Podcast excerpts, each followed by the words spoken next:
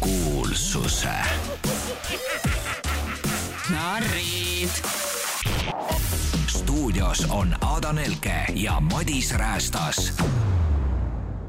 Tere päevast, kallid spordifännid, me oleme taas siin Eesti Reality staadionil, kus toimuvad kvalifikatsioonivõistlused Kuulsuse narrid, täna on neljas võistluspäev.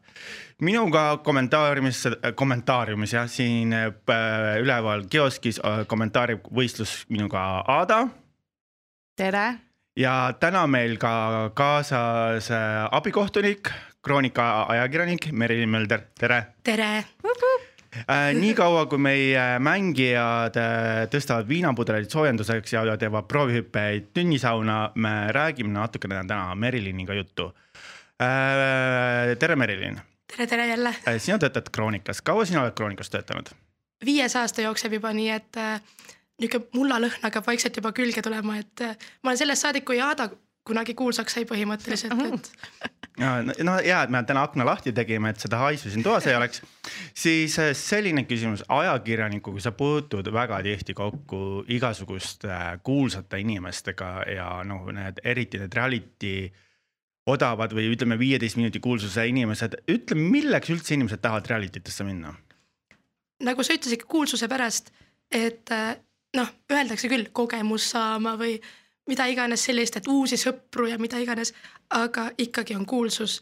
isegi ma vaatasin enne siia tulekut, vaatasin äh, villas siis tuntuks saanud Kaisa Youtube'i videot, kus ta ütleb ka selgelt ära, et ta tuligi nagu Instagrami follower'i juurde saama. et ega seal muud ei ole, et sa ei lähe sinna ju selleks, et noh, ema vaatama on telekas, vaid sa lähed ikkagi sinna, et Selverist tuleb võõras inimene, näe, see on see Madis aga mm, kui vaadata nagu reality'd on ju neid noh, nüüd on peale vihma nagu kogu aeg tuleb, on ju nagu seeni ja mõned seened on ikka nagu väga hapud ja mõõrudad. siis millest peitub reality fenomen? milleks on see, et inimesed nagu kõik vaatavad neid, aga keegi ei julge neid nagu tunnistada, et nad vaatavad neid? aga see on päris elu. mina ei ole kunagi eriti niisugune mingi Ladina-Ameerika seebiooperite fänn olnud, kuna see on nii fabritseeritud. aga kui sul on nagu Tiit ja Toivo sinu kõrvaltänavast kuskil pulli tegemas, siis sa nagu noh, sa oled, see on rohkem nagu familiaarne sinu jaoks, sulle meeldib seda vaadata. isegi kui need nüüd viis öö, tõsielusaadet vist on see sügis, kui lugeda mingid Masterchefid ja asjad ka sisse, siis äh, kellel meist ei olnud mõni tuttav seal nimekirjas osalejatel, et see see oligi nagu hasart, et issand jumal, see on seal ja niimoodi, et äh, see ongi see fenomen, miks me vaatame neid. Aga milleks mõnedel reality tel on selline hea maine ja mõnedel on tekkinud nagu meie armsa väga kriitilise Eesti ühiskonna poolt väga halb maine, millest on see tingitud, kas nagu saate mängijatest, produktsioonist või milleks me nagu, nagu eraldame neid noh, eks seal on natuke süüd ka minul või üldse ajakirjanikel, et me ikkagi anname mingi tooni ju kaasa või niimoodi, et äh, aga noh, samas kui sa vaatad neid saateid ka, sa teed juba kvaliteedi sisevahet ja see on nagu noh, kurb, kuna me paneme selle kohe nagu nende inimestele ka külge. et noh, sa olid seal Rannamajas, noh, Aada hooaeg oli jumala noh, maasikas ju selles mõttes, et ei olnud. oli küll, siis oli kvaliteet, mis sest, et nad eriti seal midagi ei teinud, ma ei saa aru, miks arvatakse, et see kolmas hooaeg igav oli, seal te nagu olite minu meelest noh, palju rohkem nagu. jõid, laaberdasid, Aada nuttis, noh dramatiseeris üle. sa ise rääkisid seda mulle, et sa dramatiseerid üle?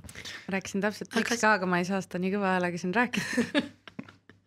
aga seal oli, seal oli kvaliteeti, sama on nagu praegu villas, no sa tahes-tahtmata see, et seal on äh, pildi kvaliteet ilus, sa nagu arvad, et see on juba kvaliteetsem, noh, need inimesed on võib-olla kvaliteetsem, halb öelda. aga eks need uued tõsielu sa- äh, staarid siis teevad ise ka valiku ju, kuhu saatesse nad lähevad. ma kuulsin, et üks äh, tõsielu staar uus kandideeris reaalselt igasse saatesse, mis praegu on välja Mhm. tulnud jah, ja sa teed ise lõpuks selle valiku, et kui sul tõesti jääbki Rannamaja ainult äh, nagu noh, pinnale ja sa otsustad sinna minna, siis noh, sa ise tead, millega sa lepid. aga milleks reality desse üldjuhul valitakse põhimõtteliselt ainult kuni mingi kahekümne viie aastaseid, sest noh, olgem öeldud, mõni ütles, Kaido kohta ta on juba vana. ei, aga Armastuse malevas on minu meelest ju keskmine vanus üle kahekümne viie. et äh, lihtsalt no- no- noh, ma olen ise kakskümmend kuus juba kahekümne ühe aastaselt ma oleks võib-olla juba lihtsamalt läinud sinna pulli tegema, kahekümne kuue aastaselt ma ikka mõtlen kolm korda isegi poes, mida ma ostan või niimoodi, et noh see lihtsalt on, et sa lähed puusalt paned ja on savi. kuule, see Rannamäes on mingi kaheksateistaastased. ma ei mäleta, mis ma kaheksateist-aastasena enam tegingi või nagu noh, see ei olnud tõesti aeg, millal minna tõsielu saatesse, olgem ausad, siis oleks pidanud rohkem kodus ikka olema. Vau, aga nüüd, äh, kas sa ise läheksid reality saatesse? ei. ma juba tean liiga palju seda köögi poolt või seda, mis meedia teeb ja ausalt ei. olgu, aga. kolmekümne tuhande eest ka ei läheks kui on kindel, et sa võidad aga kindel, et on võidan, no siis ikka kolmekümne tuhande eest ikka, no see on juba niisugune raha, aga noh, ma mõtlen nagu need teised saated, kus sa isegi ei võida mitte midagi, on natuke noh teine. tead, sihuke tunne on küll, et veits tühjade näppudega jäime, et mis ma üldse ronisin sinna Rannamäe, oleks ka vähemalt midagi saanud no,. sul on kakskümmend kuus tuhat jälgijat. nojah, aitäh teile kõik jälgijad, te olete nii armsad mulle. minul on tuhat kakssada. aga vaadates tagasi, kui palju sa üldse mäletad reality'd? ei, ma mäletan sind väga hästi selles mõttes, et ma mäletan, kui ma olin mingi kaheksa aastane või midagi sellist. ja siis tuli näiteks baarisaade tuli välja, ma mäletan, kuidas ma seda finaali vaatasime, meil oli suur ekraan, kus prožektoriga vaatasime, ma helistasin, no ma olin täiesti pöördes, ma usun, et praegu väiksed lapsed tunnevad samamoodi, et äh, mul just ülemus peatoimetaja rääkis üks päev, et äh, kuidas väiksed lapsed pidavad ka ütlema vanematele, et ma tahan vaadata seda, mis toimus villas saadet Kroonikas. sellepärast, et nad tahavad nagu kõike ahmida sisse, mis sealt tuleb lihtsalt ja ma mäletan, kuidas mina ise kaheksa, kaheksa aastaselt olin täpselt samasugune. et äh, ma olen suur reality'te fänn olnud ammu, aga noh, ma vahepeal ikka vaatasin mingeid välismaa asju ja ma tean, Aada on ka suur Geordie Shore ja kõik yeah. need, et ma praegu rewatch in neid Go3-s, seal nagu seal kõik hooajad ja osad olemas. tead, sellepärast ma ei saagi öelda, et me oleme Eesti reality tes midagi no nii hullu teinud, et terve Eesti peaks meid maatasa tegema, et kui sa ikkagi vaatad näiteks noh, Geordie Shore'i kusevad põrandale, situvad teiste ees kaamerate ees põranda täis peaga, siis nad teevad mingi liumänge selle kuse sees seal, oksendavad, nad kusevad voodisse, nad teevad mingi avalikult kaamerate ees anaalseksi onju. mis me Rannamäes tegime, kaks tüdrukut või üks tüdruk ja üks poiss ainult seksist, ülejäänud oli kõik äh, Timmu issand, kui kaval te olete, aga sa, kui ma nüüd sulle otsa vaatan, siis sa sobiks küll Geordie Shore'i. lõpeta naljad, ma kunagi tahtsin tegelikult no tol ajal see tundus kõik nii normaalne, kui sa vaatasid mingi viieteistaastasena neid, mis nad teevad, sa olid mingi oh my god, ma tahaks ka see Charlotte olla seal vaata ja. ei no ma elasin Inglismaal ka ja see oli nagu minu jaoks sihuke hyperfixation, et nagu nendest on tõesti saanud multimiljonärid aga mis ja. meie saame negatiivsed kommentaarid, et nagu Eestis see hüppelaud on ikkagi väga väike ja noh, ma ei tea, kas te olete mu Youtube'is kunagi näinud, Madis kindlasti mitte, et ma oleks ka peaaegu ühes Inglismaa reality's tegelikult olnud. Vau, millises äh,? see oli. Border control, immigrant tuli sisse või? sel... see oli Celebs Go dating ja Geordie Shore'ist oli seal, ma tean, Marnie oli üks kuulsus siis, kes armastust otsis ja siis oli üks Casey, kes oli X-Factoris lauljana olnud mingi kolmanda koha või midagi. ja MTV tahtis mind lennutada, neil oli reaalselt sel-, meil olid jutud, videod, kõik asjad, davai, homme hommikul kell seitse tuleb sulle auto järgi, võtab su peale, lennutame su Portugali, et sa oled surprise guest, et meil Londonis on shoot läbi. viskame su Portugali surprise guest'iks ja ma ei saanud tollel ajal lapsehoidjat sellele lapsele, keda ma nagu tööpõhiselt jälgisin seal. ja siis ma ei saanudki minna. oi kui kahju, aga näed, nüüd on sul oma podcast ja, ja. Meil on, ja meil on kolm kuulajat ja ma arvan, et sinu tähetund alles tuleb. mina olen väga rahul, täpselt nii nagu peab minema, nii kõik läheb. aga armas saatekülaline, kelle nime ma juba unustasin, kuna sa oled naisterahvas, siis ma nagu palju ei süvenenud su nimesse sellest oleks ilus mehe nimi nagu Saaremaal olnud nagu Kaido, siis ma va vaataksin võib-olla pingsamalt. mul läheb muuseas Kaido nimi alati meelest ära, kui ma seda villat vaatasin, ma mingi. aga mis on hetkel sinu lemmikseriaal? Nendest, äh, mis meil siin äh, toimub ja miks? no sellest valikust, mida teie iganädalased, ma olen see üks kolmest kuulajast muidu, et äh, mida te iganädalased siin nagu äh, react ite, siis võib öelda ma usun, et Tantsud tähtedega on mu lemmik nagu selles mõttes. ei no see on lihtsalt, esiteks see kestab kaua, see ei ole niimoodi, et nagu mingi üks sutsakas ja läbi. mu ADHD reaalselt ei suuda seda samal päeval vaadata, sest see kestab kaks pool tundi, ma kerin kõik kohad, Anne Veski laulab, skip, keegi tantsib, skip, ma vaatan ainult neid nagu osalejaid, ma isegi kommentaare ei kuula väga. Ei no tegelikult oli noh, Rannamaja oli selles mõttes väga hea. ma ei tea, miks see kolmas hooaeg nii palju heiti saab. minu meelest oli seal tegevust, seal sai seksi, seal sai kõike. ise kirjutasid artikli, et ei tea, kuidas meil see IQ ikkagi nii kõrge no on. jaa, aga IQ-d ei olegi vaja vaata ei, seal on ju kõik pähkliajad, nagu nad ise väidavad. ei nad ise teavad ka, et nad on lollid vaata ja siis noh, ma lihtsalt tõin selle Delfi ka, nagu esilehele ka. vot, okei, okei, aga, aga me, kuna meil kohtunik, abikohtunik jääb siia kontrollimaks, et ükski meie võistlejatest ei kasuta dopingut, siis tema annab ka täna oma, oma professionaalse arvamuse, kui hästi ta nad. tegi jutumärke praegu, ma ütlen. ei, lihtsalt äh, käed on higised et äh, me hakkame siis taas nüüd arutama siis meie armsaid kuulsuse narre ja alustame kohe armastuse maleval neljandast osast, kus äh, keegi visati lihtsalt välja. mis sa arvasid sellest, et Germo koju saadeti? mulle ei meeldinud see hääletus, istume maha, kelle me välja hääletame, ini-mani, mini-mo ah,, sina mine, mine välja. ei mingit põhjendust, absoluutselt ei mingit põhjendust, mine saa ära ja aga lõpuks Grete Paia otsustas üldse, kes koju läheb, et nagu kõik ütlesid ja mine koju umbes lasteaed nagu kiusatakse ühte, võetakse üks selline, kes nagu Ja, ja, ja. saab kogu sita raha endale. ja siis Grete päädub, aga tegelikult ma arvan, et sa oled siin liiga vähe olnud, saadame selle Germo üldse koju. et eh, ja sa idioot ja ei tee mitte midagi yeah.. aga mida sa arvad, kallis eh, kaaskohtunik siin, Merilin. Merilin, kirjutan ülesse, Merka nendest meie saatejuhtidest, kas nad saavad oma tööga hästi hakkama? Mis me siis võrdleme, Grete Paia, Elina Born, tahate nagu kõikidest või? ei üldiselt, kas need Ševakini kaksikud, kas need saavad omavahel hakkama, kuidas sa nagu hindad saatejuhtide kvaliteeti? no ega neid väga palju ekraanil ei ole, et selles mõttes, et kui mind kutsutaks kuskile saatejuhiks, siis mina ootaks palju rohkem kuidagi involvement'i, aga Grete Paia käib seal iga kolme päeva tagant, ilmub, teeb tund aega tööd ja siis läheb minema, vaata. mul on niisugune tunne, et Elina Born tehakse ka iga hommik seal ilusaks. Läheb, paneb need kuskile need pabernutsakud maha ja siis saadab ühe kuti koju, ongi kõik. ma peaksin ütlema, et Grete Paial on väga head tekstikirjutajad, tema tekstid seal Armastuse malevas on väga sellised sujuvad, see mulle väga meeldib. aga seda, seal korratakse ainult see, et tee tööd, siis tuleb armastus, et mul on nagu kopp ees sellest tsitaadist lihtsalt, mul tekib allergiline reaktsioon sest sa oled nii ületöötanud näoga ja siis ikkagi vallaline veel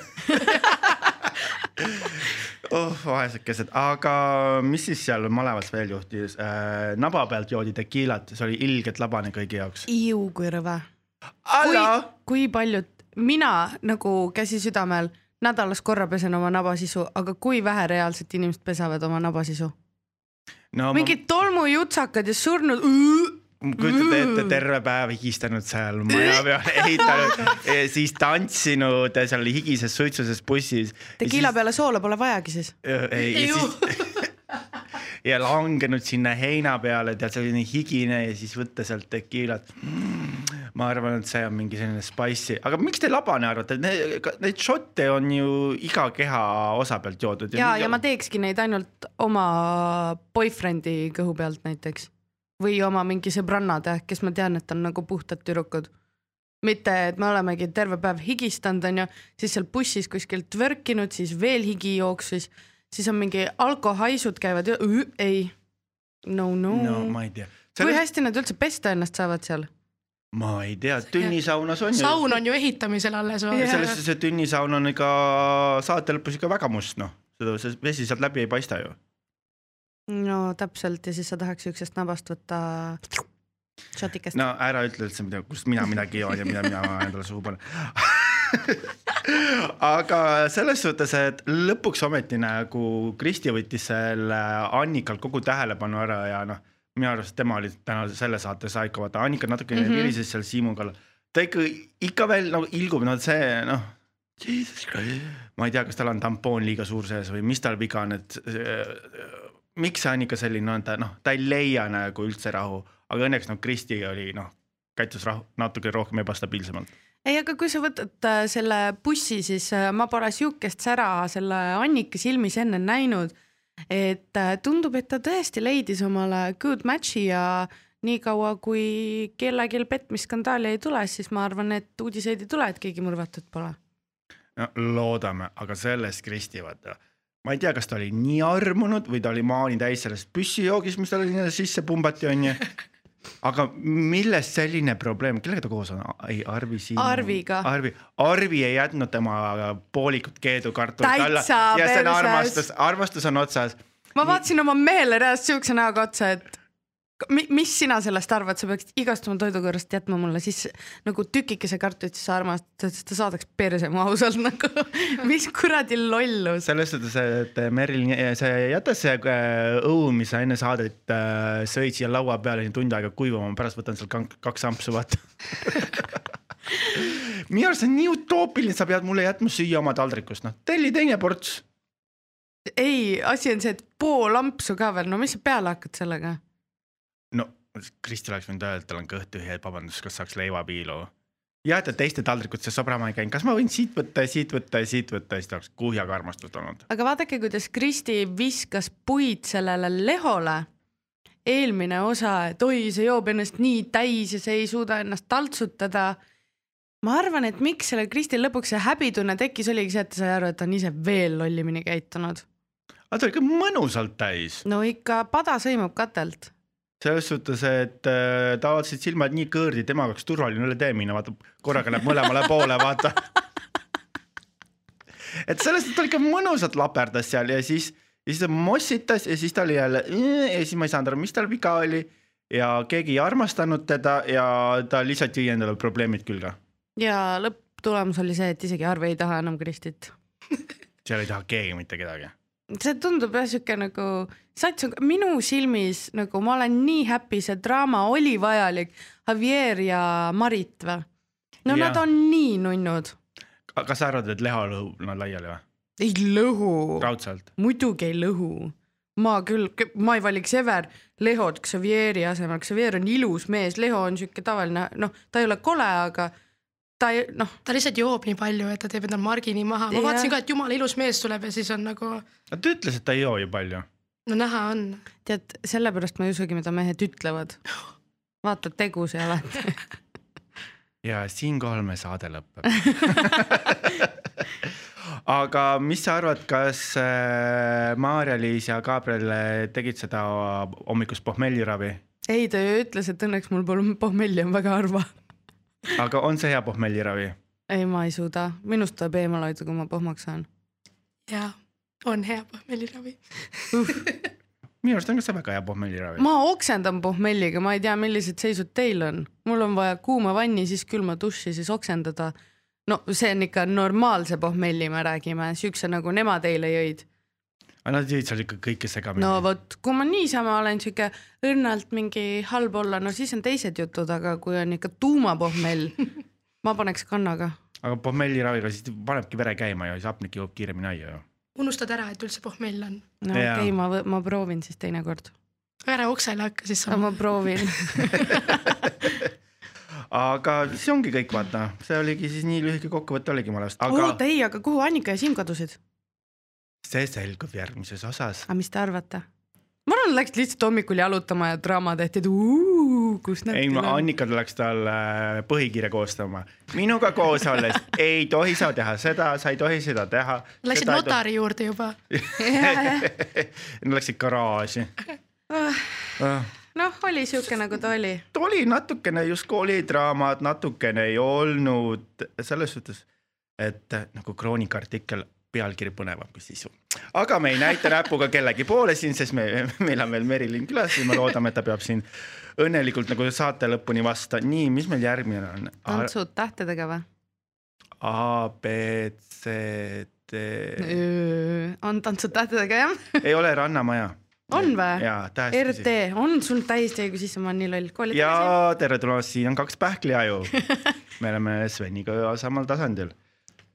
Oh my god, no selles suhtes, et saade vajab äh, inim-, vanemlikku seletust, miks, miks noored tüdrukud ei korista. miks te tüdrukutele ei meeldi nõusi pesta, palun. ma ootan teilt selgitust, miks noortel tüdrukutel ei meeldi nõusi pesta. seal on nõudepesumasin jah, ja mul on alati raskem neid puhtaid nõusi välja võtta ja ära panna. kui see, et panna need mustad pärast, nii et kõik on selle taga, et võtta need puhtad välja, panna need ära ja siis oleks tegelikult kööki puhas. Ma ei tea, ma ei saa sellest sitamajast seal aru, meiegi iga hommik koristasime, meil oli ka ühe korra siuke draama, mis ei olnud isegi see, et meil oleks otseselt draama, vaid produktsioonil oli vaja midagi uh,. siin on üks aiapäts, tehke nüüd sellest draama umbes. seal oli saiapäss põrandal ja minu arust Oh see- my God. see oli natuke inetu küll, et see nagu toit on põrandal no see on rõve, see, mis nad korraldavad, seal on rõve, nagu kas õhtul, kui sa magama lähed, sa ei pane oma asju nagu ära või? ei, aga ma, kui ma mingi istumine on, mina olen, kui minu juures näiteks pidu on, ma olen see host, kes käib lapiga kogu sa oled aeg. Villa-Liis, kes on psycho, kes ei lase ke- ke- sõbral isegi klaasi tühjaks pessu, pessu. okei nii hull ma ka ei ole, ma ei hakka teistega mölisema, aga nagu see sitamaja on seal ikka no kohutav. aga järsku see on selles ka, et need neiud, kes seal on, on ikkagi just kodunt tulnud. nad on nii noored. Nad ei olegi varem pidanud võib-olla koristama niimoodi, et nad on nagu maja peremehed või perenaised. aga siiski nagu nad käituvad niimoodi, et see oleks, ma ei tea, nagu oma laps tahab kallistada, mine ära, et selles suhtes, et nad, need on mustad nõud. sa oled mm. seda keelega lakkunud, ma ei tea, su sülg on üle taldriku ja nüüd ei julge seda kätte võtta või? no oma sülge võib-olla julgeks, aga ma, ma, ma ei tea, ma isegi ei viitsi rääkida, hästi sest vä- content nagu ongi ainult, kellel on potis sitad riibud ja kus on mingi mustad nõud, no hallo. et noh, minu jaoks on nagu hästi kummaline. Nad ei jõudnudki koristada, kui öised seksimaratonid peale läksid, come Oh, on ja siis, issand, see alguskaader, kus see, see suguelu suurkuul Kaspar ja Brita võtsid endale kaamera nii lähedale ja siis põhimõtteliselt ma nägin nende hambakivi, nad olid nii lähedal ja siis nad lakkusid üksteist mm,. meil oli selline õhtu mm,. ja et kaamerad ei lakkuma hakanud selles suhtes, et noh, selles suhtes, kas poiss oli esimest korda sai seksi, et ta noh, sellise hurraaga seda kõike esile tõi no idea, no see oli veits nilbe vaadata. see tüdruk siin, see tüdruk nagu ja uh,. Uh. Et mille I usually skip this part nagu selles suhtes, selles suhtes, et oleks võinud öelda, jah, meil oli tore. ja siis, ja siis loomulikult ta julges Svenile öelda, et ta, talle eh, Kaspari kaevurid käisid Britaga koopas, noh. mehed on ussid, mm.. see tõestas, et mehed on ussid veel suuremad kui naised. oo, palun argumenteerige seda nüüd, nüüd ma, ei no ma, ma saan aru, et nad oleksid ühes seltskonnas, siis sa tõesti ei räägi võib-olla välja või niimoodi, sa lähed kahekesi jaa, fucking metsa. räägite ka, sa räägid, oo kõhulihased või mis ta seal rääkis, et oo keha on nii valus eilsest. no kui mu sõbranna midagi siukest räägiks, et aa, mul keha valutab, aga ei räägi, et ta mu mingi eksiga maganud on eelmine öö, ma paneks, noh, ma oleks kallale pärast. Aga selles suhtes kõhulihase valdab, mis asendist ta küll siis, mis asendit ta seal kasutab, lähtudes sellest, et neil on tekk peal ja kaamerad, siis seal teki all ei ole väga palju asendeid, et kus sa saab niimoodi mõnusalt olla, ma ei kujuta. ma, ma ei tea, ma ei kujuta, võib-olla oli nii halb, et naeris. ta ei osanud käituda see piinlik, kus ma selle panen, mis ma sellega teen oi, oi, oi, oi, oi. see kõik oli kuidagi nagu nii. Kui tegid tonksu, siis tegid, ma ei tea, kuidagi, miks on seda vaja layerdada üle ja üle ja üle ja siis no tõesti see, et sa lähed siis jalutama, onju. räägi ära, mis sa tegid, puhasta õhk ära, täiskasvanud inimene, onju. aga ei, oled vait ja siis vaatad sita ja häda näoga seal trepi peal nagu kuradi ta ja ma ei saa aru, et selles suhtes, et sa tegelikult võtsid teise mehe naise ja sa ei julge tunnistada oma sõbrale, et, et sa nagu märgistasid puu ära ja, ja siis nii argpükslik käitumine kogu aeg nagu jooksis teemast teemale mm. kuigi tal oligi, ongi nagu sa ütlesid, nad läksid ju Sunniga sellepärastki läksidki jalutama, mitte üksteist leida nagu Brokeback Mountain'is on ju. aga no tõsiselt, see oleks ilus hetk olnud, et kuule, selline asi juhtus, on ju, noh, kõigil juhtub, on ju. Kui nad öösel täiskasvanud ku- kusevad püksi, siis noh, võib ka selliseid asju juhtuda, aga noh, niimoodi käituda, et sa ei nagu ei ütle sõbrale, et tead, inetu. väga inetu. aga samas Kristiina ja Eerik olid väga, me tegime seda samat asja, mida teie, ja mulle väga meeldis, mulle väga meeldis. et äh, tore, nad ei astunud kellelegi varvaste peale ja noored inimesed ja võib-olla ongi üksteist leidnud, ma Kristiina Instagramis kogu aeg vaatan, et äh, Erika figureerib seal, et äh, äkki, äkki süttis leek. põnev, siit küsimus kohe meie taas kohtunikule Merilinile, kes on ajakirjas Kroonika. siis kas sinu töö on ka jälgida nende staarihakatiste sotsiaalmeediat, kas, kui palju nagu sealt materjali tuleb või ta ikkagi teie artiklid baseeruvad selle peale, mis toimub nagu avaliku silma all? eks me ikka jälgime, aga selles mõttes äh, no peaaegu igas story's saaks tegelikult mingi uudisnupu välja imeda, kui sa väga tahad, aga, aga viimasel ajal aina vähem seda, sellepärast et ma olen märganud ka, et kõik äh, teised väljaanded peale meie, noh, loomulikult jätame mingi buduaari kõrvale äh,, on läinud rohkem selle peale, et äh, toota vähem artikleid, aga teha neid pikemaks, kuidagi sisukamaks. et äh, sellepärast on ka nagu rohkem ära kadunud need suvalised mingi vaata, kes kellega hängis või et nagu niisugused pastakast välja imetud asjad. aga Eerik ja Kristiina ei ole enam koos, seda ma tean vähemalt, nii et. äh, aga kui aldid nad on nagu selles suhtes, kui sa ütled, et, et tere, lifti lembid, et ma helistan Kroonikas sulle, soovin artiklit teha selle, selle kohta. kas nad on nagu väga sellised aldid vastama või on see, et ma ei soovi, soovi kommenteerida? kas see odav kuulsus, mille osaliseks saavad, kas nad siis nagu naudivad seda ka, seda nagu järellainet või on äh, nad ikkagi äh, saavad aru, et peale saates olles, nähes enda idiootset käitumist, et nad tegelikult ei taha seda kuulsust rohkem? no oleneb inimesest selles mõttes, et eks meil on ka ära jaotatud teatud äh, staarid või saated ja üks ajakirjanik saab paremini läbi, kui teised saavad selle inimesega. noh, näiteks Rannamaja ajal ma kirjutasin Aadale tihti mingi Facebook, et jõu, selline, selline asi, et palun kommenteeri.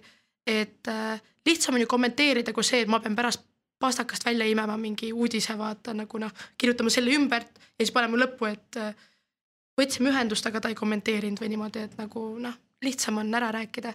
aga ega igasugustele lambileidadele ma väga ei helista või ei kirjutagi, et äh, me ei, me ei tee neist nagu meeletut staare, see, mis nad teevad telekas, ma teen arvustuse, aga tihtilugu neist mingeid rohkemaid uudisnuppe väga nagu ei sünnigi isegi. ja kaua see üks reality staar oluline on, kas see sõltub tema nagu käitumisest või ajakirjanike huvist? hea küsimus, ma usun, see on väga fifty-fifty, kuna tihtilugu on see, et äh, kuuled ka, et need, kes lähevad reality'sse, siis räägivad oma Youtube'is või Instagrami mingi story des vastavad küsimustele, et oi, mina tahaks hakata saateid juhtima, mina tahaks seda teha ja mina tahaks noh, meedias hakata tööle, aga sa ei tee mitte sittagi selle jaoks ise, sorry, vabandust. Et äh, sa lihtsalt istud ja ootad seal, et keegi nüüd tuleb, aga tule noh, anna siis ise, ole see staar kogu aeg et äh, sa pead ise pildil ka püsima, see ei ole niimoodi, et ma käin saates ära ja nüüd hakkavad asjad sülle kukkuma. kas sa tahaksid koos Annikaga töötada iga kord, kui tal natuke veri üle käib äh, seal kontoris ajakirjanikuna? ei, nii tore ju. kindlasti mitte, õnneks ma pole kuulnud ka, et ta tahaks tulla. ei, ta tahab ju väga teles töötada ja mida Nad kõik. tahavad, aga mõtle, neid on mingi viiskümmend matši korraga ühe sügisega tuleb nüüd nagu areenile. Kuhu me need kõik ära mahutame? kas sa seda ka arvad, vaata mm, kuna meil oli see Rannamäe esimene osa täpselt sellel ajal, kui sotsiaalmeedia nii-öelda see vapustus tuli, onju. ja et me kasvasime sellepärast, kas sa arvad, et see on natuke maha vaibunud ja et need uued reality staarid ei saa sellist fanbase'i, olenemata sellest, et nad just sellepärast sinna lähevad või vastupidi, see fenomen on kasvanud ja sealt on oodata viiskümmend tuhat pluss jälgijat neile? ei, teil oli lihtsalt hea ajastus, ma arvan. Te olite see esimene päris reality üle pika aja. teiseks oli see, et te läksite otse tele-eetrisse, ei olnud mingi voogedastusplatvorme, kus sa pead, lapsed peavad oma emalt äh, nuruma kuus eurot või mida iganes, et vaadata, ma ei tea, Rannamaja või siis neli eurot, et vaadata villat. et te olite iga nädal telekas, te olite ainult see teie, mis oli kuue-seitsmene punt, et äh, ja rohkem ei olnudki. aga nüüd see asi on nii noh, segamini ja mul endal lähevad nimed sassi mm. -hmm. Teil oli kuus-seitse nime, kõigil olid need peas.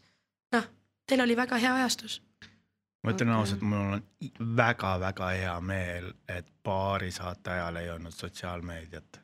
et meil oli ainult Reidi ja Orkuti kontod ja need mm. -hmm. korjati ülesse, et selles suhtes meid oleks, ma arvan, väga noh, mutta trambitud üles tõstetud, jumal tänatud, meil sotsiaalmeediat sellel ajal ei olnud. Et see kuulsuse laine oleks täiesti teine olnud, ma olen väga-väga tänulik selle üle.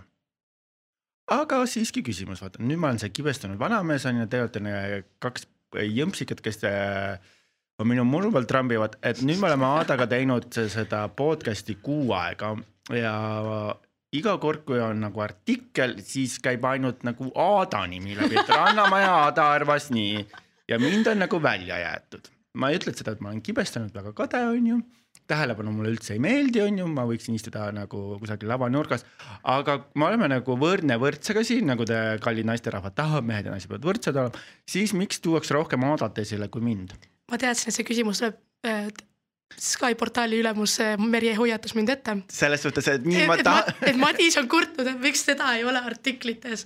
et ma tahan nüüd seda. minu meelest fookus võikski just sinu peale minna, ma ei viitsi neid kibestunud kommentaare seal all vaadata, Mati Nuuded või, issand Mati Nuuded, Matid ja mingid äh, Triinud kommenteerivad jälle, kuidas ma olen nii halb ja paha. selles suhtes, et palun, sa oled selle küsimuse otsas istunud ja nüüd selge sõnaga see treenitud vastus hea treenitud vastus on see, et ma ei oskagi öelda.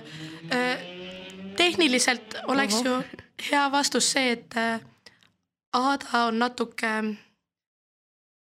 relevantsem. seal mulle täna puid alla panna. see jääb vist viimaseks episoodiks selles suhtes, et äh.... ei, asi on selles, et noh, ta oli alles, sai ju kuulsaks, ta on olnud pidevalt kogu aeg meedias sinu kohta ikka ilmub artikkel siin-seal vahepeal. kas minu viieteistkümne aastane, mis ma olen kaks, kaks tuhat kaks, mis nüüd kaks, kaks tuhat kaheksateist, no issand ikka, ikka ma ikka go back ju. kas minu kaheksateist aastane selline staar wannabe tähelend on äh, madalaim kui Aada kolm päeva või? Aada oli Rannamäes kolm päeva või? Ei, sellest, et noh no, no, ah,. nagu sa mõtled, et ta, ta on juba kolm aastat kuulus olnud, see on päris äh.... no mina olen kaheksateist. jah, staažikad olete te mõlemad juba minu meelest. ei, ma ei ole kibestunud, ma ei otsi praegust tähelepanu. mulle meeldib lihtsalt... see saade venib mitmetunniseks lihtsalt, kuni me lõpuks saame. ma võtan arvuti välja, me hakkame siin seda Madise artiklit ei, et lihtsalt see on huvitav fenomen, et me. ma olen üldse tänu sinu kutsumisele siin, nii et äh.... jah, et, äh, et kas selles suhtes, kas see teie lugejad on nagu ei tea, kes mina olen? kindlasti teavad, aga siis me peaksime selle vana hea liite ka sinna ette panema, mis sul nagu reality aegadest on juba olemas, vaata et äh, aga ei, ma usun, ma ikka teen sinust mingi päev selle artikli ära, ole muretu, et see, sa ei pea mind ambush ima. ei, aga just üks päev oli see küsimustik ju, et mis on teie aegade lemmik äh, Eesti saade ja üks põhivastuseid oli baar no näed. jah, siis me olime kõige paremad. aga järsku teeks no. sinuga üldse nagu põhjaliku intervjuu, vaata, mitte. kus sa olnud oled? hakkaks refereerima siit mingeid asja, et. hakkame tootma ja siis, siis on tulnud kes see tüüp on, ta ei ole enam oluline ju. nii vanaks jäänud. ja, ja, ja see on see Rocky Bear'i comeback, vaata keegi ei taha, et noh, mine tee tribüünilt maha okei okay,, lähme edasi, et ähm,. jumal tänatud. selles suhtes võtame oma kohtunikult selle tähelepanu ära, tal on vaja kontrollida seal teisi asju. ja noh, minu jaoks seal Rannamajas kõige parem oli see külaline Gregori oh my god. see, kes ennast täis jõi ja no see jõi ennast korralikult täis. no ta hakkas kohe lammutama, ta nõudis, et miks juba bussis juua ei saanud ja see oli väga, see tema käitumine, võtame rahulikult, ta lihtsalt valas endale viina sisse. no ja see Türgi käe, käekott lendas ka kohe nurka. Need lühikesed püksid ja siis see triiksärk või mis tal oli, see oli ka oh. kombo. ja mis, mis ta kohta kirjutab, tükk peast puudu ja suurem versioon Uudo Sepast. teeme üldse Uudo Seppa kes on Udo Sepp ah,, Udo Sepp on see Lendame koos. ei, ma sain aru küll, ta oli siuke muheda vibe'iga, aga nagu välimuse kõik siuke nagu ei olnud jah, Udo Sepa moodi. absoluutselt mitte. ja siis need kaks tšikki, ma ei saanud ühest ära, üks oli Eerik või Silmarõmm jälle onju see on see, kui väike jälle Eesti on, onju, et Eestis on nagu kõik tunnevad üksteist. kust ta selle draama välja kiskus, ma tean, ta on Twitteris on fenomeen, öeldakse nii või? jah, see tüdruk, kes Eerikut siis. päriselt või? ja ta on tuntud, ta on nagu väga-väga tuntud Twitteris mille äh, poolest? no tal on lihtsalt rämedalt retweet'e, like'e, follower'e, mutual aid. ma pole isegi pilti kokku pannud ennem, ma muidu olen ka näinud teda mm -hmm.. igatahes, kust sa tirid välja siukse lambidrama, kas ma peaks nüüd minema Eerikuga rääkima ja Kristiinaga, et me mingi viis aastat tagasi tegime musi kuskil vetsus, mitte kedagi ei koti, kuule pool Eestit on omavahel tuttavad nagu. aga Kristiina tõmbas käima endast sellest oh,. aga ma ei saa aru, miks, vähe kotiks või? Ma ei mäleta, kellega ma viis aastat tagasi musigi tegin, nii et no ja siis ma tegelikult armastan teda, mida helli noh ta. ütles seda või? jaa, ta ütles, ma tegelikult armastan Eerikut või no ha, ma ei saa Eeriku fen- fenomenist aru, sorry, ma ei tea, kas ta on nagu tänapäeva mingi, ta Ta on ei siuke ole veits altboi, minu meelest ta on ka nagu, ta näeb hea välja, ta ei ole kole, okei okay,, minu ei aga ole, absoluutselt ei ole minu maitse. sama. aga üleüldiselt kogu see draama, mis sealt välja kisuti ja siis hakkas selle Cassandraga seal mingi jahuma veel ja ma ei tea, kuidagi alkoholi juua ei oska, siis ära joo. Mulle meeldis kõige rohkem see mäng, vaata Cassandra. nii peab suu peale mussi tegema ja siis, kui mingi võõras tegi, siis no põhimõtteliselt äh, pani seitsesada klaasi endale ette. ei tee minu suu peale, aga teiste peale käe, lakkuge üksteist, lakkuge üksteist, kui oli enda kord, ei tee käe peale. ma ei tea, kas sa oled näinud Tüdrukute õhtut, seal oli üks tüdruk Berit, kes oli täpselt samasugune. nii kui mäng hakkas temale nagu vastu kuidagi, siis ta muutis reegleid, nad on parimad sõbrannad. No siis ma tean. sa pole näinud Tüdrukute õhtut või ei, oh,? You are missing out, you are missing out. sa pead vaatama. see on, see on nagu kõige madalam asi, mis Eesti televisioonis üldse kunagi olnud on no.. ma vaatasin seda poissmeeste õhtut ja mul sai isu täis, kui seal esimeses saates üks tü- tüüp ütles, et tüdrukul, ta oli lihtsalt paks, vaata. jah, ja, ja siis nagu ei, ma nagu ei, ei, ei, ei, ei, ei, ei, ei taha seda. aga no õnneks, kas sa arvad, et see Sven lõpetab selle uue tüdrukuga või, sest ta jäi ikkagi ööseks rannamajja ja see uus tüdruk.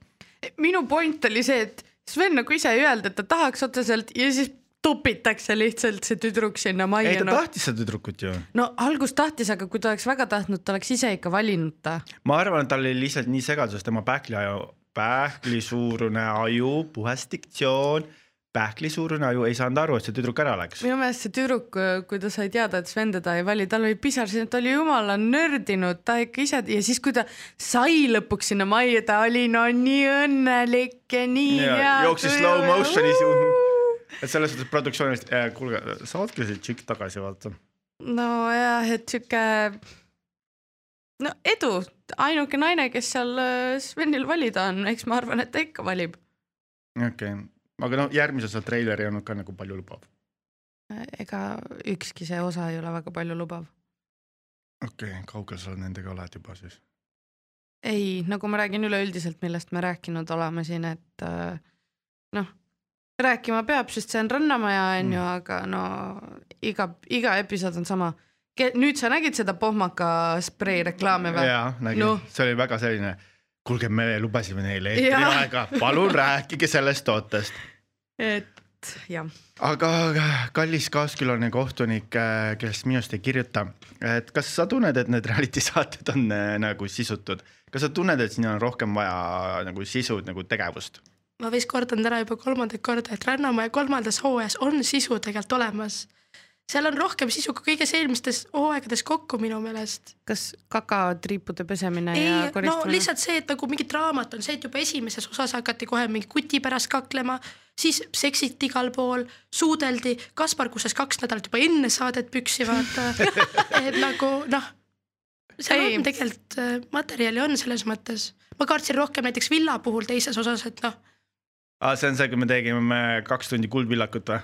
jah, valede nagu vastustega? millal see auto nagu käima lükatakse, aga noh, nüüd see juba käib. okei, aga jätame selle Rannamaja sinna Eskimote maale ja lähme Tantsud tähtedega. sinu lemmik. oiss, mul kadus vahel täiesti ära. võtsime lausa saatekülalised sõnatuks. jah, ja ma erutusest, Kaspar kuseb püksi mul läheb hääl ära. ei noh. Maitsed on erinevad selles suhtes, siin me ei heida kellelegi ette, kes, mis kellelegi meeldib, et äh, jääge kindlaks oma fetišite juurde. meie fetiš on siis rääkida, mis saadetes toimub. no nii, Tantsud tähtedega. taaskord, see on, see on nagu traditsiooniks saanud, et me peame kiitma Inest ja, ja Jüri. jaa, vapustav, värvi, see match, kõik Jaa., chef's kiss. väga ilus ja nüüd ma panin tähele, et neil on see üks Matching jaa, matching toon on, et selles suhtes, et väga-väga-väga ilus. suurepärane. no nii äh,, ma ei tea äh,, Jussi tša-tša-tša-tša-tša-tša-tša-tša, ma ei tea, mulle ei meeldinud see number. Äh, natuke jäi puudu ja, aga kuna Juss ise on nii ilus, et siis nagu vaatab hea meelega. Aga mulle meeldib see, et tal on selle tantsupartneriga on väga hea tõmme. mul on tunne, et neil midagi susiseb, ma olen mingisuguseid jutte ka kuulnud, et nad äh, väljaspool treeninguid ja asju saavad kokku, et ähm, nad näevad väga head välja ja neil on räme keemia ja ta lihtsalt manhandle ib seda naist. aga selles suhtes seal on, seal on selline naturaalne nagu tõmme ja keemia mm. -hmm. mis on nagu väga tore, mida e väga palju teistes partnerites ei ole. Väga paljud teised tantsupartnerid nagu pingutavad selle nimel, et noh, näitame, meil sobib.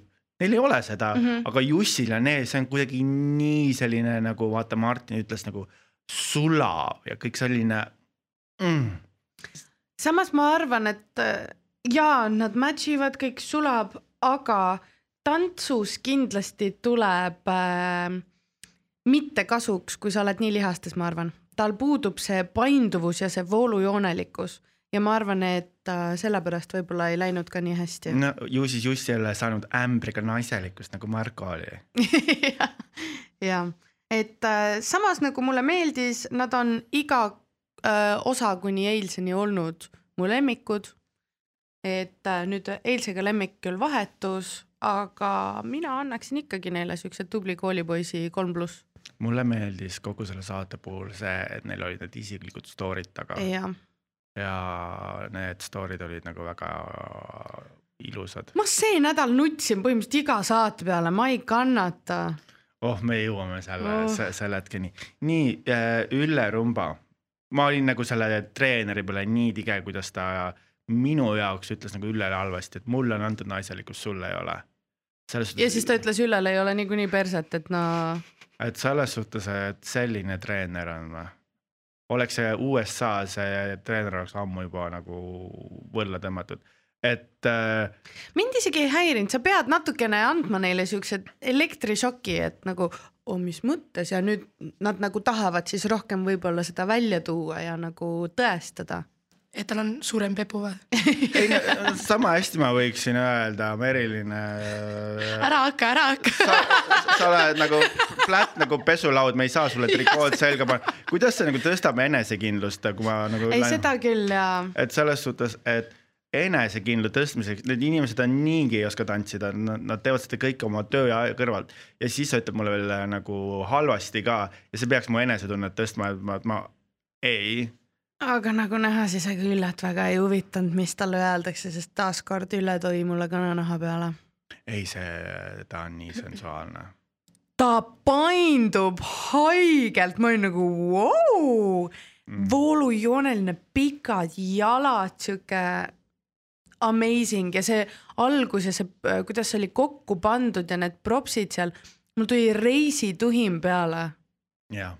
see oli nagu amazing ja siis, kui ta tütrelt issand, ma, ma ei nuta tavaliselt kunagi telekat vaadates, ma lihtsalt. ma hakkasin ka nutma. kus olid salvrätikud, kus olid need Ülle salvrätikud? see, kuidas ta hakkas värisema seal ise, Ta ei vaata ta ei tahtnud öelda. ja et mul oli nii kahju ja ei paku-, noh, kas te ei tea ette, sest selline asi võib juhtuda või?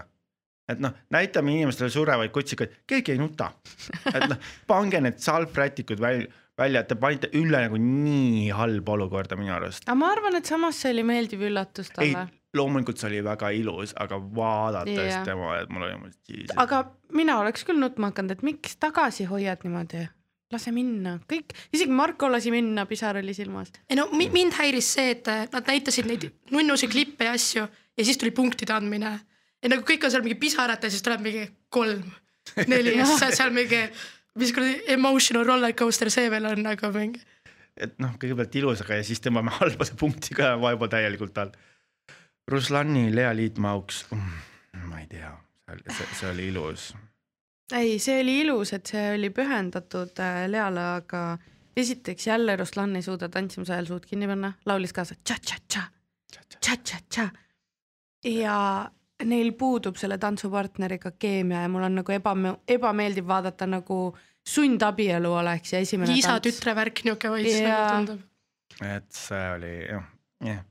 Villem Trillem, vot siis nutsin mina, et selles suhtes ta, ta istub seal kivi peal ja räägib seda, et vaata, see on see, vaata, mis kuulsusega tuleb ühel hetkel, et sa pead eeskuju olema. pead eeskuju olema ja sa ei tohi nagu nõrk olla. ja siis, ja siis noh, ma usun, et ta on mingi introvert ja siis sa pead olema kogu aeg inimeste jaoks olema. see naeratama ja kogu see fännide mass ja kogu see mass ja noh, väga palju minu arust ei saagi sellega hakkama ja, ja lihtsalt nagu selle pinge all murduda ja siis öeldakse, et me oleme nõrgad, vaata mm. -hmm. et selles suhtes, aga tegelikult väga paljud ei tea, mis selle kuulsusega kaasa tuleb, et see nagu see oli nagu hästi valus laks, ta lihtsalt istub seal ja tal ei ole nagu noh, mitte kellelegi toetuda ja ta ei ju-, ta on selline olukord, kus sul ei ole kellelegi toetuda, sest nagu kuulsad inimesed ei tohi olla nõrgad yeah., nad ei tohi seda külge välja näidata. see oli, mulle nii meeldib näha, kuidas mehed lasevad endal kuidagi siukest hellemat külge ka äh, näidata, et äh, see, see pani mind nutma ja nagu ma tean, mis tunne natukene nagu tal võib olla, tal kindlasti kordades rohkem. aga see, kui sa tunnedki, et sa pead kõike kogu aeg õigesti tegema, mina seda muidugi ei tee, sest ma olen juba ammu olnud see, et ma olen suht pohhuist, aga hoida seda imagot üleval ja kogu aeg anda ennast maksimum, no ma ei kujuta ette, mis pinge see võib olla Äh, Merilin, selles suhtes ongi hea küsimus, vaata inimesed nagu tahavad kuulsaks saada, aga kas nad tegelikult saavad aru, mis selle kuulsusega kaasa tuleb, kas nad kujutavad ette, et kuulsus ongi see kroonika esikaas, tasuta peokutsed äh,, mingid sponsordiilid, kas noh, kas, kas inimesed on pimestatud sellest nagu võltsglamuurist, kas nad tegelikult annavad aru, mis selle kuulsusega kaasa tuleb? ma usun, et paljud ei anna ja paljud annavad endale aru, aga minu meelest on kõige naljakam näha neid inimesi, kes tungivad esile. Need, kes saadavad iseendast mingeid pressiteateid, kuigi ta ei ole isegi muusikaga mingi teles või mitte midagi. Nad tungivad, tungivad, tungivad ja siis nad näevad selle asja ära ja saavad aru, et see ei ole üldse glamuurne. ja siis nad kaovad kuidagi ära ja nad tahavad neid peokutseid, käivad, saavad aru, et see on noh, tund aega awkwardness, mingi šampaklaasi kõlistada. ja siis noh, see ei ole mitte midagi nii erilist, kui arvatakse, et on tegelikult. aga kas, äh, kas nagu kas nagu kuulsus on nagu selline positiivne nähtus või, või on ta selline negatiivne selles suhtes, et me ju kõik näeme, kuidas väga paljud inimesed murduvad selle all, millest tingitud on?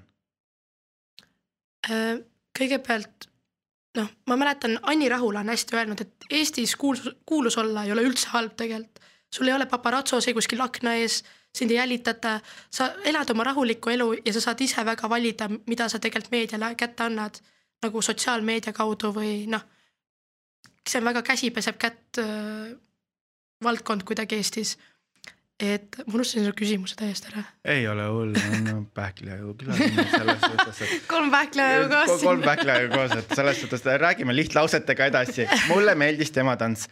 ei, lihtsalt, et äh, ma mõtlen selle kuulsuse peale nagu oma nagu kogemuse põhjal ja Aadel, sul on ka kindlasti, et noh, alguses on see mingi ilgelt tore, aga ühel hetkel see nagu muutub nagu selliseks nagu koormaks. vastupidi alguses ei olnud üldse tore ja sul on see klits ja glamuur, olimegi Kroonika kaanestaarid on ju, saad pidudel käia, intervjuud, sa oled tahetud, sa oled nagu lummatud kõigest sellest. ja siis alguses sa ju ei oska händida ja sul on vaja lugeda kõike, mis su kohta kirjutatakse. ma olin ikka päris sihuke bussiga saanud, ma pakun kuus kuud. et alguses oli just väga raske nüüd ma ütleks, on just kergem, sest see on kuidagi vaibunud, mind ei huvita enam, mis öeldakse, kolme aastaga ma ütleks, et mul on sihuke suhteliselt paks nahk kasvanud äh,. ma lajatan vastu, alguses mulle öeldi muidugi, et ole kõigiga sihuke sina peal, ole sõbralik, hoia suhteid, ma ei ole kunagi olnud see, et kui, kui sa mulle keerad käru, siis nagu nägemist, onju. ja ma olen osanud või õppinud nüüd enda äh, jaoks välja astuma nii, et ma ei pea seda avalikult tegema. ma astun personaalselt enda jaoks välja, ma olen, mina tean, milline ma olen, mina tean äh, millisena ma ennast nagu oma sõpradele ja perele esitlen. paratamatult äh, mingisugune persona muutus tekib, kui ma olen sotsiaalmeedias äh,, teles, kus iganes. Need on kaks erinevat inimest minu jaoks, ma olengi eraldanud privaatada ja avaliku elu Aada natuke ära ja palju lihtsam on kõigega hakkama saada. ja samuti on jäänud ju see klits ja glam ja kõik asi, et see ei ole kuskile ära kadunud, teda on veidi nagu vähemaks jäänud, aga see käibki hooajati ja sellega on praegu palju lihtsam nagu tegeleda äh,. Merilin, selles suhtes siit küsimus sulle, sa oled vaadanud neid äh, inimesi seal saadetes. kui palju nad erinevad sellest, kes nad on nagu saates päriselus, kas need inimesed nagu üllata, üllatavad sind, kui sa nendega nagu näost näkku näed? muuseas nende tänavuste rannamajalistega oli see, et neil oli siis, kui kõik osad olid juba näidatud Go3-s ära, siis tuli see pressiüritus seal Peterburi maanteel.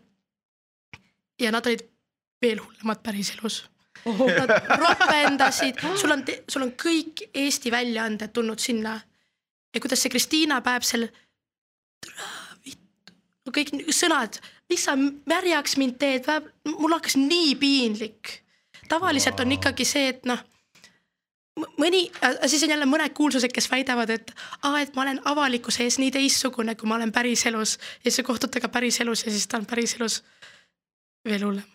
Vau, noh, nii see kahjuks on mm -hmm.. okei okay,, tagasi Tantsud tähtede juurde, et äh, nii keerame jälle lehekülge.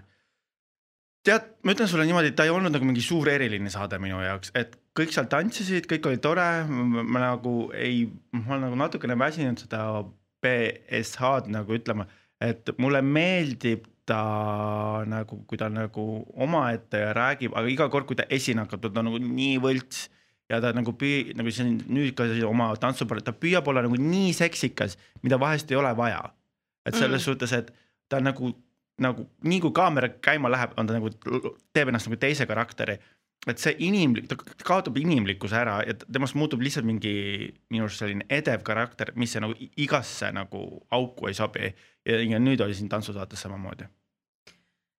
ma saan aru, millest sa räägid, aga samas seda oli näha, vaata, kui ta tunneb, et ta ise on millegis hea, siis ta enesekindlus tuleb nagu lööb kordades rohkem välja, ma arvan, et võib-olla see nii-öelda võlts selline öö, sära tuligi sellest, et et ta lihtsalt tundis ennast nii enesekindlalt, andis endast nagu sada kümme protsenti.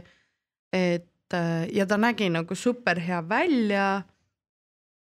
aga mis mind häiris, oli ta nägu kogu tantsu ajal mm.. see oli monotoonne, see oli sihuke kuri ja nagu ta ei tahaks olla seal, aga keha ütles hoopis teist.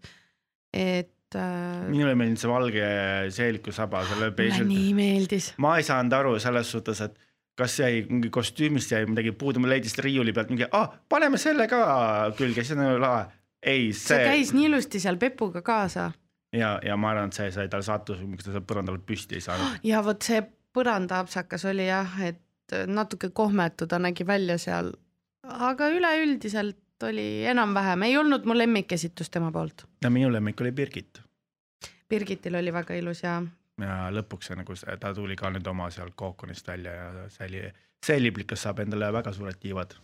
üks mu lemmikfilme on Sound of Music ja see andis mulle täpselt selle vibe'i, selline nagu puhas, siiras esitus äh,, väga ilus ja laul oli tal nagu nii hea seal taga, et ta hääl on nagu super ja multitalent ütleks. ja, ja siis Jüri korvpall. appi kui kringel see oli. miks?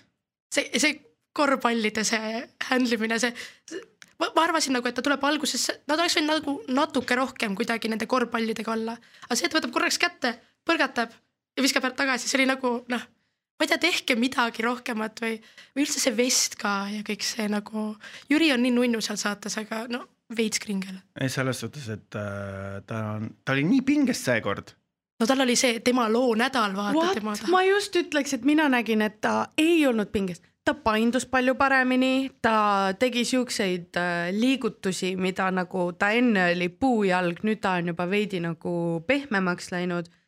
tal on haige põlv, millega ta suutis nagu välja vedada kõik.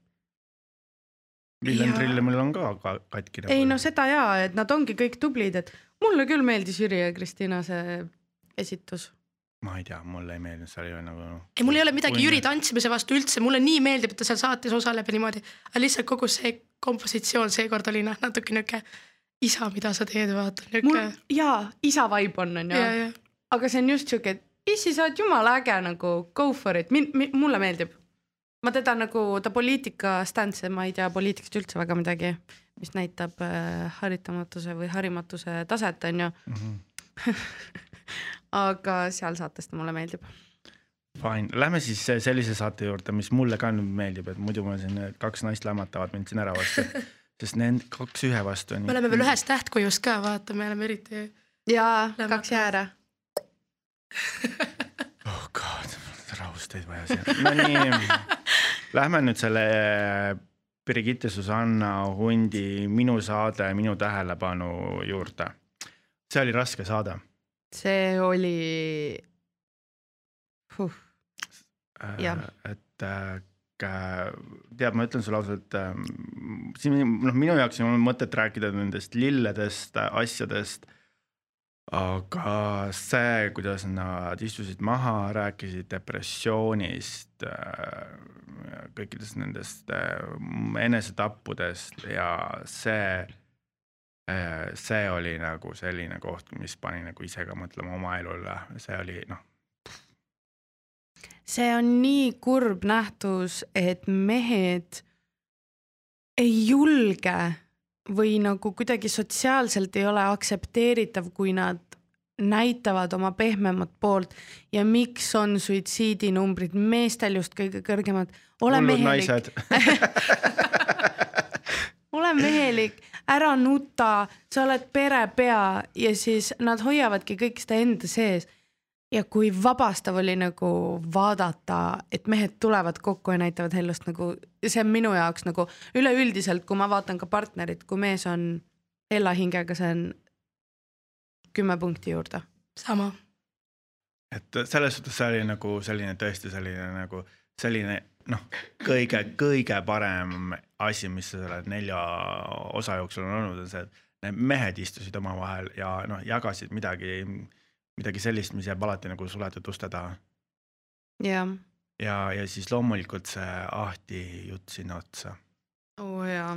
no oh god äh,, neli last, naine ja, ja noh, noh, mina just noh, kaotasin kevadel oma parima sõbranna vähki ja noh, see, see tühi koht on täitmata veel ja seda nagu ikka väga raske ja siis, ja siis nagu samastuda nende asjadega. ja kui vapper tema on et minna edasi nelja lapsega üksinda ja noh, otsida ainult seda rõõmu ja tulla saatesse veel, jätta nagu kõik maha. oh god. ta avas ennast ja seda oli ilus näha ja isegi Brigittal võttis ju silma märjaks. Et ähm, jah, väga kuidagi emotsionaalne nädal oli kõikide nende tantsude back story dega ja see vallaline kaunitar ja. ja siis veel ja siis see Rauno õnnetu lugu otsa, miks tema nii lukus on. Isver, kuidas ma, ma loodan, et see naine sai mingi kriminaalkaristusega. no ma tean, et naistel meeldib väga äh, suht alguses kohe meestel munad maha võtta ja teha meestest tahv, tuhvli all on ju ei naera aga noh, niimoodi, et see, et noh, see seletas nagu Rauno kohta nii mõndagi et milleks ta selline on? ja vaata, tihti on see, et aa, et koduvägivald, sa mõtled ainult seda, et naine saab mehelt peksa. kui ja. harva sa mõtled seda, et mees saab naiselt peksa ja veel niimoodi, et ta lõpetab opilaual. jah ja.. et noh, seda oli nagu valus vaadata, aga nagu väga kurb vaadata ja ka samas see nagu see saade avas nagu nii palju nende inimeste kohta ja need kõik need story'd tegid need inimesed veelgi inimlikumaks, et ma lõpuks oli see hetk, kus ma sain nagu samastuda, tunda seda valu ja nii edasi ja nii edasi. Siia nüüd tundub, et vallalise kommentaaride nende kuttide sekka ongi jäänud põhiliselt inimesed, kellel on, kes ongi veidi hella hingega, vaata, ja seda on hea ja ilus vaadata, nagu kui Rauno oleks Brigitte Gdeidilt oli tast pildi joonistanud ja siuksed mm. nagu väiksed asjad Rauno on siiani mu lemmik nende kõigi seast, ta mm. on haiget saanud, aga ta petab oma seda muresi nii-öelda huumoriga ja ta lõpuks avas ennast ka. nii tublid mehed kõik seal koos, välja arvatud üks, kes mulle üldse ei meeldi. aga. kes sulle üldse ei meeldi siis? ise kirjutasite artikli selle kohta aa, Erki või? issand jaa, nii kringel. ma ei tohi selle saate kohta üldse mitte midagi öelda, kuna pärast ma olen jälle seal Brigitte Instagrami story des mingi pika äh, tuled, tulet, tuletame meelde, et Merilin esindab täna isiklikku arvamust, ta ei esinda ei Kroonikat ega Delfi. Merilin räägib isiklikust kogemusest nende meestega. et, äh, et äh, ärge mõistke siin kedagi hukka, et, et ta esindab kedagi. aga lähme natuke rõõmsamal toonil edasi selles suhtes, et see lõpp vallalise kaunitar oli jumalast segane. see, kuidas Emmanuel segas vahele. issand et ja, ja siis keegi puhus talle, et ta läheks ära ma ei saanud aru, mis värk seal oli, et keegi puhus talle, Hendrik oli talle kogu aeg kuklasse puhunud, et sa lähed, sa lähed, sa lähed. et kas Brigittele meeldis see, et mehed kaklesid tema pärast või Kindlasti. see, et, et Emmanuel suutis nagu olla mees ja seista oma õiguste eest väljas? mina ütleks just see oli rämedalt, sorry, aga dick move, mis Emmanuel tegi. ise ta lendab kõigile kogu aeg peale, ise ta kraabib seda aega kust iganes võimalik endale ja ta ei anna sedasama võimalust teistele, see oli nii, kukkus minu silmis kõvasti.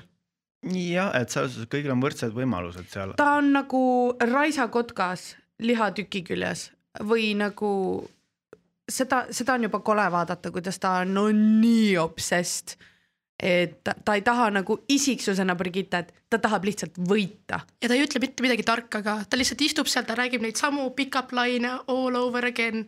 Räägib, kuidas Kaspar on tema suurim vaenlane Jaa. on ju ja no see on, ta on iseenda suurim vaenlane. ta küll toodab content'i, aga nagu veits ebameeldiv on vahepeal. jah, aga noh, selleks me seda vaatamegi. ma arvan, et ta läheb järgmises saates välja, sest ta on, nüüd on ta kõige nõrgem lüli seal. ma ei ütle midagi ma vaatasin ka juba järgmise osaga ära. Äh, seda, seda me vaatame järgmises äh, saates, kuulete, kes see läheb ja kes ei lähe ja nüüd me läheme villasse, villasse. Villasse. Nonii, Cliffhanger sai lõpu ja väga kurva lõpu, ma olen pettunud, miks, et Stefan koju läks. sa tuled mängima kolmekümne tuhande peale. sa oleksid edetabeli lõpust edetabeli algusesse läinud.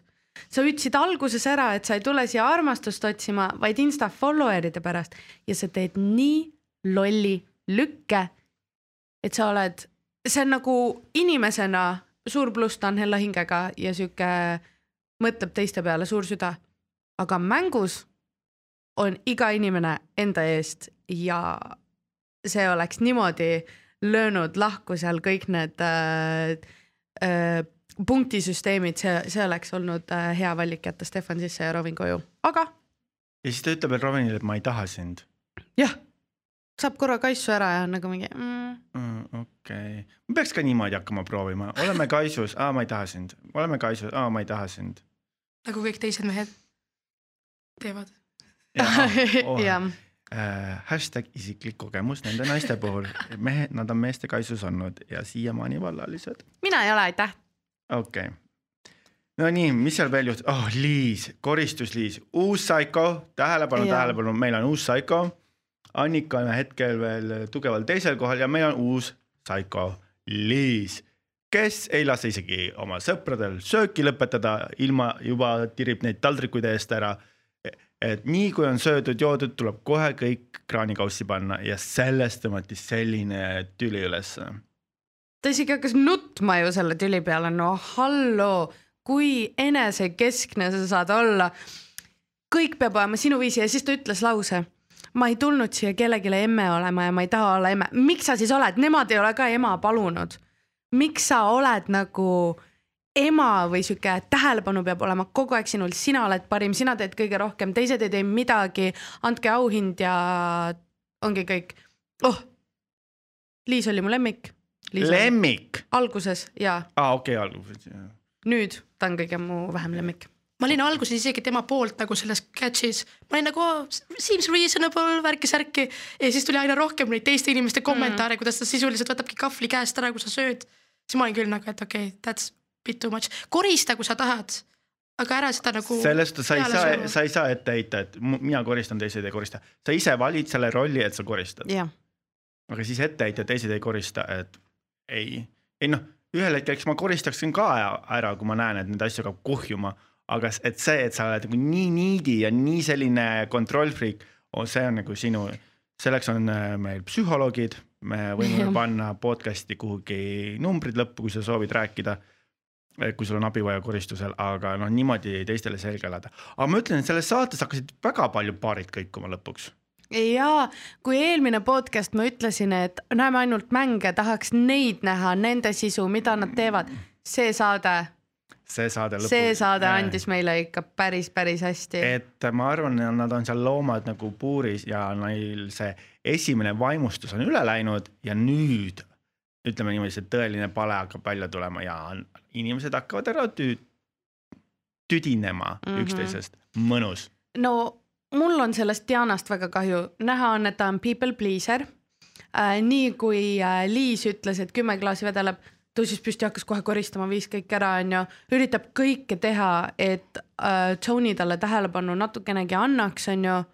kui annab, siis on õnnelik, kui ei anna, siis äh, tuleb draama, et ma saan aru, kust ta tuleb, aga kuidas sa nii pime oled, et sa, mees on sulle teinud kümne eri viisiga selgeks, ta ei taha sind ja sul on ikka lootus. lootus sureb viimasena. nojah, aga see, kuidas Antonio temaga käitus ka oli nagu inetu. väga inetu, eriti veel, kui näidati neid eh, videokaamera salvestusi, kus ta eelmine õhtu oli musi talle põseli Jaa. teinud ja ta nagu voodisse ilusti pannud ja siis järgmine päev oled mingi fuck you vaata. Antonio sõnad ja kõige rohkem häiris mind see, et mõtle nüüd, miks sa, vaata, sa üritad teha kellegi teiste ees jube väikseks. sa üritad tema väärtust kahandada kõigi ees ja uue mängija ees veel äh, öelda mingi, ta käib mulle ajudele, magaks nagu sõbra äh,, õega koos, mul on kurguauguni tast, ma ei kannata teda enam ja mul on kopp ees ja siis tuleb uus tüdruk, kes mõtleb. nojah, siis, et nagu see on, see on nii ebaviisakas, nagu mõtle neid mõtteid, kus tahad. miks sa veel uuele tüdrukule räägid sellist ja kõikide ees üldse, keegi ei teadnud nagu, et nii hull asi on. aga ma arvan, et see uus tüdruk kasutab selle ära ja Diana on järgmine, kes välja läheb. sest nad hakkasid ju kohe Antoniga oma kri- kristallikestega mingit õhulossi ehitama seal. siis ma ju küsisin, ma olen ju nii tiib, ma küsisin, mis su tähtkuju on. ma olen nii tiib, noh, selles suhtes, nad hakkasid kohe justkui nagu mingit õhulossi oma kristallidest ehitama. aga kas te nägite, kui vaata, kui Liis ongi harjunud, ta on tähelepanu keskmes, et tema koristab, tema on see superstaar, tema on kõige, ütleks üks ilusamaid sealt onju. ja siis tuleb Maarja, kes on vau, võtab kogu tähelepanu ära ja kuidas Liis lambist hakkas karjuma, ta ei meeldi mulle enam ja ma tahan mingit draamat korraldada ja see karjub nii selle. piinlik, lihtsalt käid ringi. nagu ma saan aru, ma olen ka elus mingeid mõttetuid draamasid teinud, aga mul vähemalt ei ole kaamerat ja pärast nagu videot, kus seda järgi vaadata, kus ma käingi meelega nagu noh, ma ei saanud ka aru, miks ta seal käima tõmbas, on see tähelepanu vajadus või? sest tema pealt läks tähelepanu ära tal on see mees kõrval ju, rahunegu maha jaa, aga ta võib-olla, ma arvan, ei ole ennast siiamaale ohustatuna tundnud ja tuli tüdruk, kes on pilt ilus, kes võib tema kohta seal ohustada. ja ma arvan, et tal on veits junn jahe ja issand jumal, mul Annabellist ka kahju. Frank kolm korda kordab, nii kena neiu, no nii kena, nii silmad- kena neiu Need. silmad ja, ja, ja. Arne Salu pani pilgu maha, mingi peitis ennast seal, aga see Frank oli lihtsalt mingi. Ja tila ei tilku. Ma üldse ei taha uut. ta oli nii ilus, aga miks ma peaks kedagi tahtma ja siis on nagu, teate multikas need südamed tulevad niimoodi silmadest välja käivad, aga see, et äh, Maarja lööb seal äh, midagi kindlasti paigast ära. ma kahjuks, kuna ma tegelen meikimisega ja jumestamisega, mul käivad kliendid, kellele hästi palju meeldib rääkida ja osad nendest on ka sõbrannad villaosalistega. Ja ma kahjuks tean, mis natukene toimuma hakkab ja kes välja langeb. aga see teeb seda even more juicy maks. et äh, põ- põnev. aga minu jaoks üllatas see, et kui Robin läks selle uue tüdrukuga teidile, ta ei müünud ennast, et noh, kindlustada Jaa. omasid, ta müüs kõik teised maha, ise on nagu edetabeli lõpus. ta ei müünud ennast üldse maha, ta, kas ta see oli tahtlik samm, et õõnestada neid esimesi kõrgemal kohal olevaid paare või ta tõsiselt naiivselt usus, et äh, Kaisa tahab teda. ta muuseas käis eile mul saates ja ta tunnistas tol hetkel, et tal polnud ka seksuaalset tõmmet Kaisale tol hetkel Aa.. ta vähemalt ütleb seda praegu, aga ta ütles, et ta noh, ta tahtiski nagu Kaisaga olla niimoodi, et nad on lihtsalt sõbrad. Nad on seal kõik sõbrad teki all. et äh, aga noh, selles suhtes pinged kasvavad ja, ja on aru saada, nagu olen ka noh, mina kõige targem siin saates. ups, pilgud, pilgud tapavad mind praegust, et äh, nad hakkavad üksteisele nuga selga lööma. absoluutselt, absoluutselt, seda on näha juba, et punktide vargused hakkavad seal pihta ja kes üritab kellega flirtida. praegu on prime time seda teha, sest kui sa jätad selle natukenegi kauemaks, siis on äh, need paarid on juba tekkinud, kas siis romantiliselt või lihtsalt mingi emotsionaalne connection. Ja sina ju, me ei hakka nüüd äh, midagi nimetama ega ütlema, aga sa uurisid äh, tahtmata ju välja, kes veel sinna saatesse tulevad. ja neid pilte seal äh, Neid sotsiaal on- sotsiaalmeedias natukene levib. Need, no neid on igal pool ja siis sa vaatad, kes esilinast seal käisid ja kes on ära tag itud ja kellel on villast pildid tehtud, et äh, et ma mäletan seal esi, esikapeol lõpus oli ka, sai paar vestlust peetud, mida ma noh, ise ka häguselt mäletan, aga, aga seal tuli ka paar saladust välja, nii et oi-oi-oi kui põnev, aga enne kui lõpetame, kes oli sinu nädala lemmik, kes on sinu nädala kaanestaar? ähm, ma ei teadnud, kas panna nad paariga või üksi, aga Villem Trillem. Äh, ma, minu lemmik jääb siiski on Ahti, see vähilugu oli nii isiklik mm., et äh, seda oli lihtsalt, äh, peale seda lugu kuulmist ma sain aru, et, et, et see mees on nagu elus väga palju näinud ja, ja seisab vapralt püsti. Kas kaanestaar peab ainult hea olema või võib ka olla halb? no see on kroonika, seal võib nii hea kui halb olla, nii et tulista ei, ma mõtlen, et äh, nädala nagu niisugune jalgatulistaja või selline, et ma usun, see oli Kaisa sealt Villa saatest, et äh, ta nagu, ta oli kuidagi background'il mitu nädalat ja nüüd ta on järsku tulnud kuidagi esile, aga mitte nagu heaga, vaid ta on nagu noh, tore, nüüd me Firestarter. võtame nüüd saate kokku, täname. Meie võistlejad on lõpetanud täna võistluse ja järgmisel nädalal me jär- jätkame järgmise kvalifikatsiooniringiga. aitäh teile. tšauki tšau. kuulsuse narrid